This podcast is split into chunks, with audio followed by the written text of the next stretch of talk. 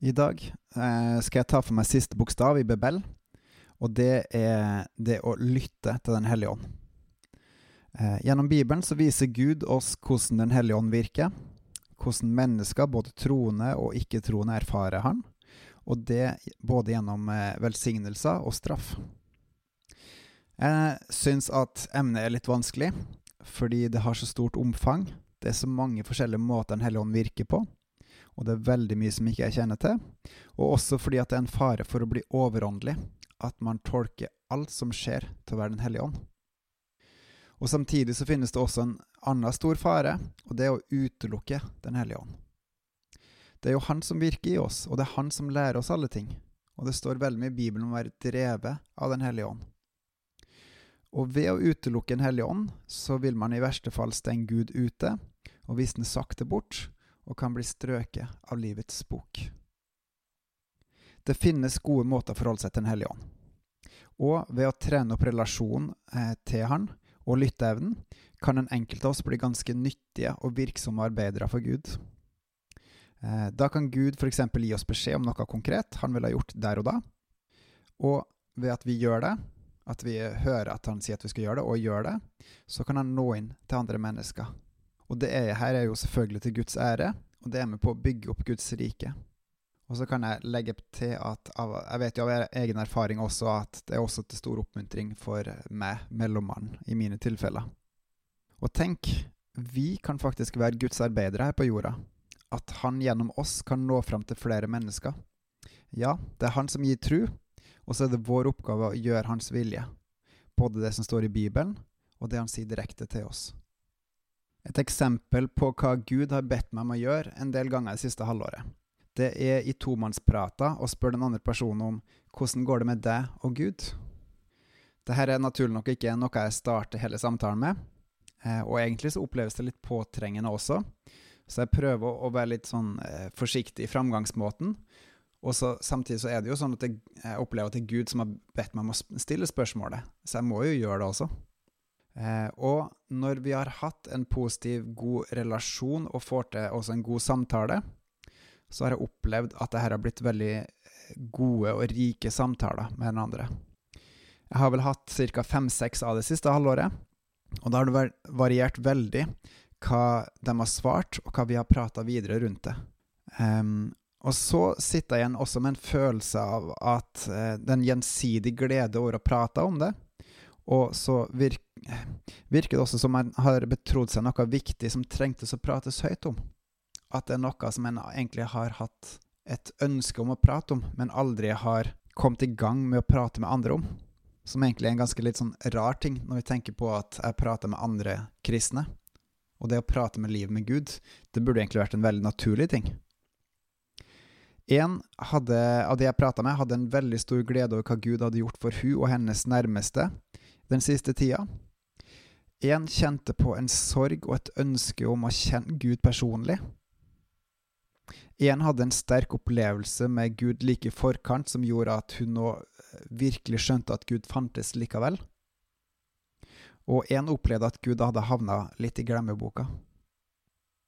Felles for alle var at dette ønsker vi mer av. Både det å kjenne Gud, men også å ha flere sånne samtaler, prater. Så tenk om vi var stadig flere som var villige til å stille disse foreløpig uvante spørsmålene som, gir, som kan gi så rike samtaler, som hjelper hverandre i livet med Gud, og medmennesker som oppmuntrer hverandre til å leve mer med Gud.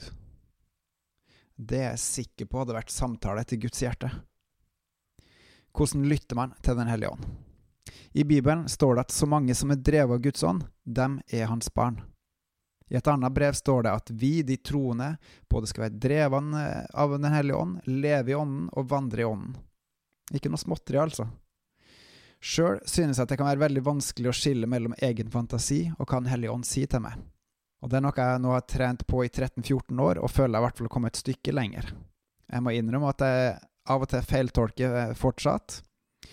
Og mange andre ganger så ser jeg gode ting som kommer ut av det som han eh, vil at jeg skal si eller gjøre, eller bare det med han jobber med meg, med min vilje eller min eh, min forståelse av hvem han er, eller personlige ting som jeg må endre på.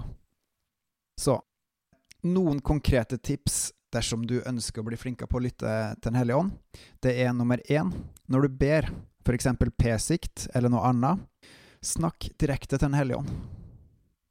Og vær også stille innimellom, sånn at han får muligheten til å si noe til deg dersom han vil det. Nummer to, spør gjerne Den hellige ånd om det er noen mennesker han vil at du skal se til i dag. Det er en veldig fin måte å starte dagen på. Er det noe spesielt du vil jeg skal gjøre? Kanskje dukker det opp et navn, en person i tanken, som han har gitt deg. Kanskje noe annet konkret. Handle på det. Finn ut om det var han eller ikke.